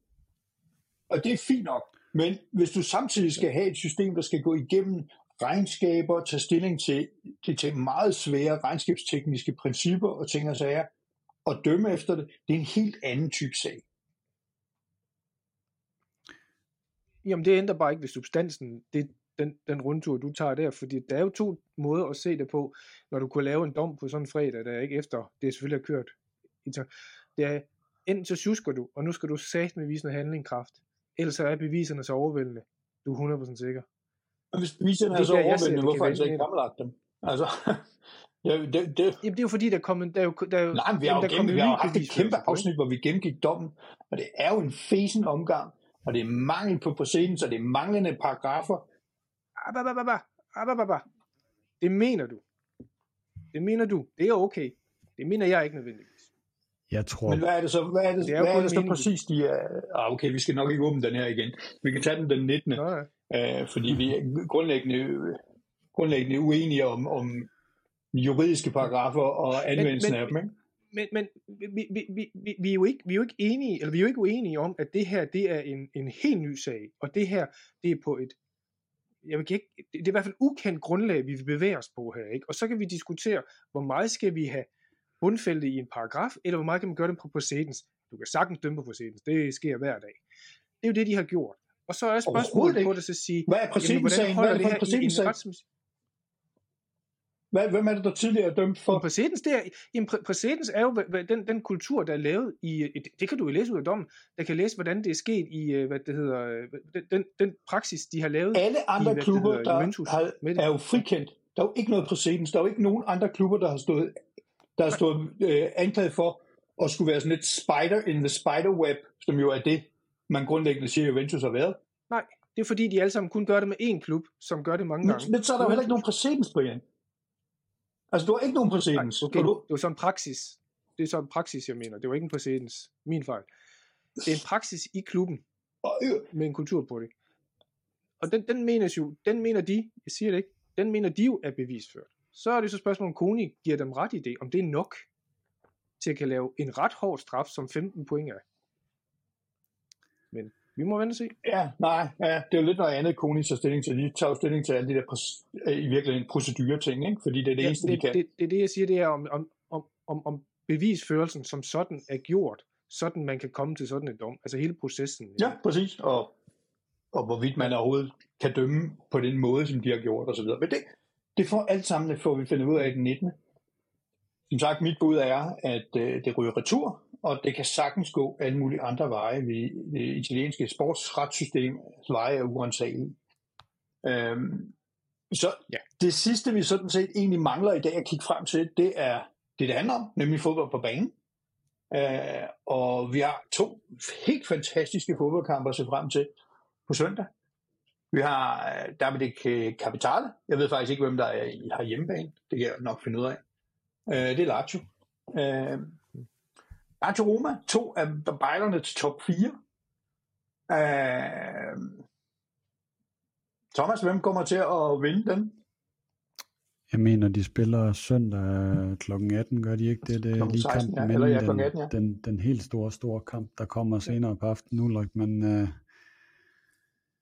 øh, jeg tror, at øh, Roma øh, er bedst kørende. Nu så jeg Lazio i går i Holland, og jeg vil sige, uden Immobile, så er det et, øh, et hold, der er til at tale med. Øh, Roma taber så lige den der hjemme mod Sassuolo, men ellers øh, har de jo set mere solide ud defensivt, så så kryds to. Øh, jeg tror ikke, Lazio kommer til at, til at kunne køre den der hjem, øh, i og med, at de, øh, de mangler Immobile. Nej, men de har jo de, har jo de der kampe i sig. Altså, det er, de, de molestrerede Milan, og de øh, nappede også lige tre point fra, fra Napoli. Det er der ikke mange, der gør. Så de har jo de der golden moments indimellem øh, Napoli. Og så er det et, øh, et derby, ikke? Men enormt, øh, Altså, de nappede, jo, de nappede jo Milan uden Immobile. Han sad jo også på bænken der. det er rigtigt. Det gjorde Der han havde de nok faktisk. vundet, uanset hvad. Det Det han det er i hvert fald altid et, et, et øh, festfyrværkeri, og det, øh, det, jeg vil tro, at den kamp betyder næsten lige så meget som for fansene om den kamp, og så om de ender i top 4 og, og spiller Champions League og penge og alt det der. Men lige nu og her, så er det bare vinde over enten øh, Lazio eller Roma, lidt afhængig af, hvem man holder med. Så det bliver, det bliver vildt. Uh, Vi håber på et kryds. det er også et meget realistisk udfald, øh, kunne jeg sagtens forestille mig. Øh, det er jo, øh, der- derbyet er jo en af de kampe, hvor Lazios Ørn øh, ikke må flyve på stadion. De er simpelthen bange for romatilhængere og fyrværkeri, har jeg læst. Så øh, der bliver ikke nogen ørn, uanset hvad. Den skulle også efter sine være blevet skudt ned af en slangebøsse på et tidspunkt. Ja, Eller blevet ramt af et skud. ja men en det kunne jeg sagtens forestille mig. Men der er i hvert fald øh, nogle kampe, hvor, hvor, øh, hvor den her hundørn, den er undtaget for, for øh, flyveture, og det her er en af dem. Øh, Det bliver først cool, når Roma de møder op med en ulv, ikke? Jamen altså, hvad fanden? Det var, den skal hoppe højt, hvis den skal nappe sådan en ørn der. Men øh, må vi se. Og så, så efter, efter den lille forret, så har vi jo øh, et af de første af, efterhånden mange, der er vi i detaljer. Øh, Inter tager imod Juventus. Det være Juventus en- med mange skader. Inter med svingende form. Øh, så øh, Brian i midten her i vores videotransmission.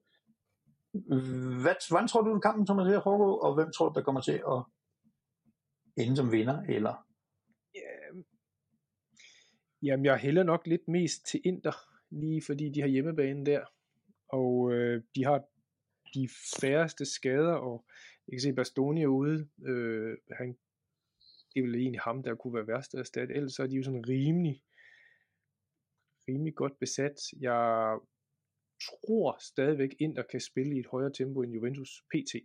Det tror jeg også. Så jeg tror, de, øh, de, de stikker af med det. Så jeg tror, det bliver en... Øh, det bliver forhåbentligvis en hissig, intensiv, øh, meget, øh, meget oprevet 2-1. Og det er, ikke, det er ikke et håb, det her. Det er bare en vurdering på, til, til Inter på det. Men øh, forhåbentligvis med øh, masser at skrive om dagen efter for, for pressen og det. Men jeg tror altså, Inter har lige en, en lille snært ekstra på det, og så har de altså en, en, en satans skiftig varm øh, Latauro deroppe foran, hvis han vil, så... Ja, vel lidt, øh, vel lidt øh, slatten her på det sidste. Hvad, øh, eller de sidste to kampe. Hvad, øh, Thomas, accepterer du den der favoritværdighed? Jeg tror, at øh, de der, jeg, jeg sad jo i går og håbede på, at de fik en rigtig hård kamp øh, nede i øh, Freiburg i Tyskland. Uh, så I kom med endnu mere slidte ben, men så fik I så åbenbart fikset det på den måde, at I fik et uh, straf, og I fik også lov at spille uh, 11 mod 10, så det blev sådan lidt en slapper kamp, så det var jo lidt irriterende, fordi Inter kommer med to dages mere hvile i stængerne. Uh, så det havde jeg jo håbet på, at det måske havde en, øh, en effekt til, til søndag aften, men, øh, men nu må vi se, altså Bastoni udgik med den der baglårsskade i Porto, så han er helt ude. Øh, så vi har egentlig kun Damian De Frey og Acerbi 100% sikkert klar til forsvaret. Skriniar blev skiftet ind der i Porto, men man kunne godt se, at han er slet ikke klar endnu. Så også meldt usikker her til, om han kan spille fra start på søndag. Så øh, jeg er lidt bange for det der forsvar, så jeg sidder egentlig og håber på, at Allegri, han laver en klassisk Allegri og går i øh, 4-5-1, og så øh, eller, øh, eller 3-5-2, eller øh, 3-5-1-1, sådan et eller andet i den stil der.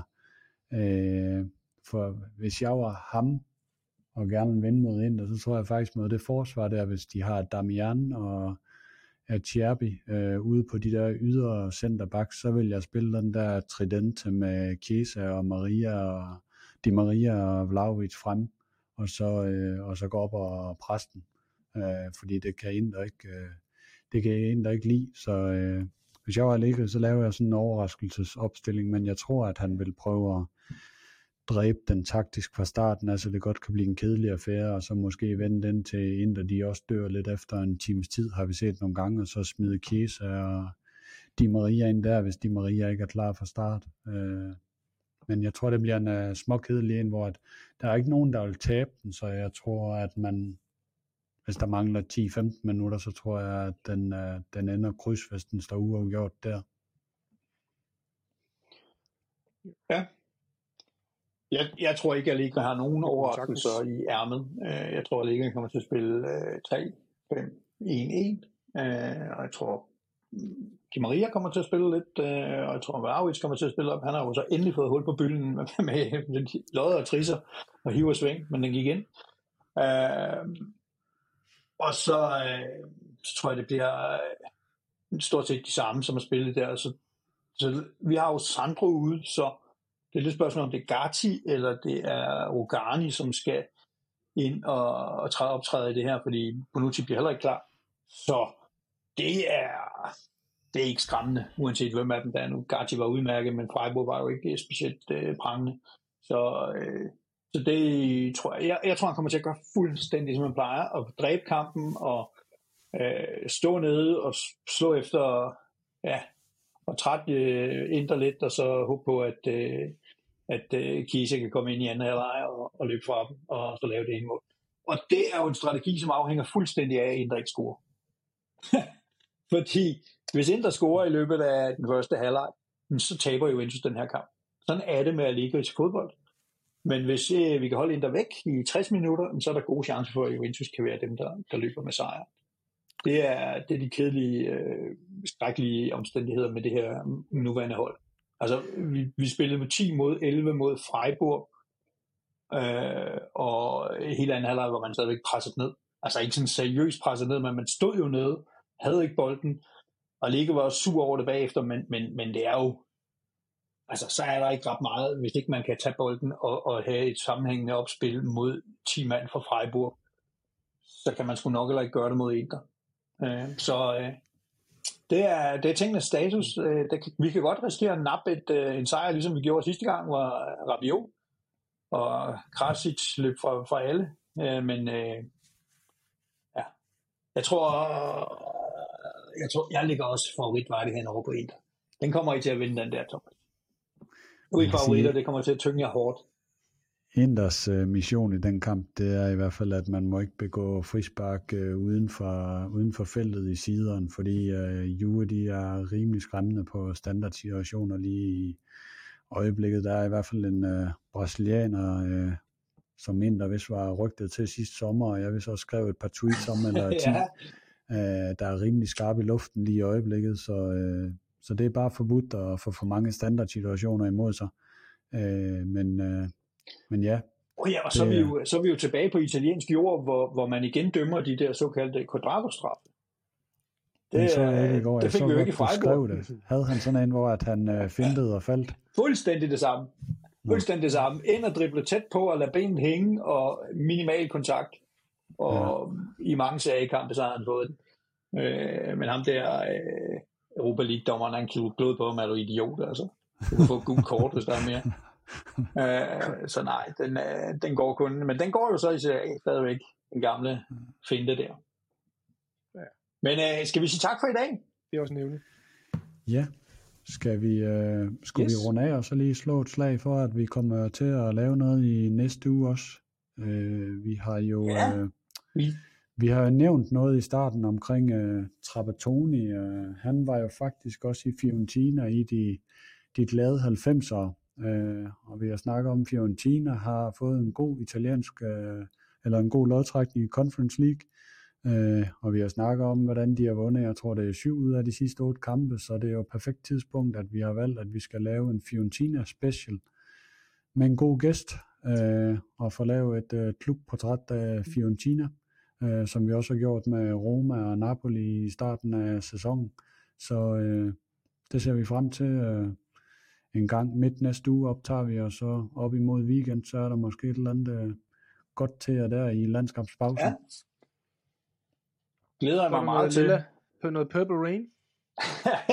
skal vi have, nu skal vi have... Øh, de er jo så sure på Juventus, nu må vi have snakket det ud, så vi sådan kan få, øh, Ja, få, få renset luften Jeg tror, her. vi skal have mere lige en udsendelse til det.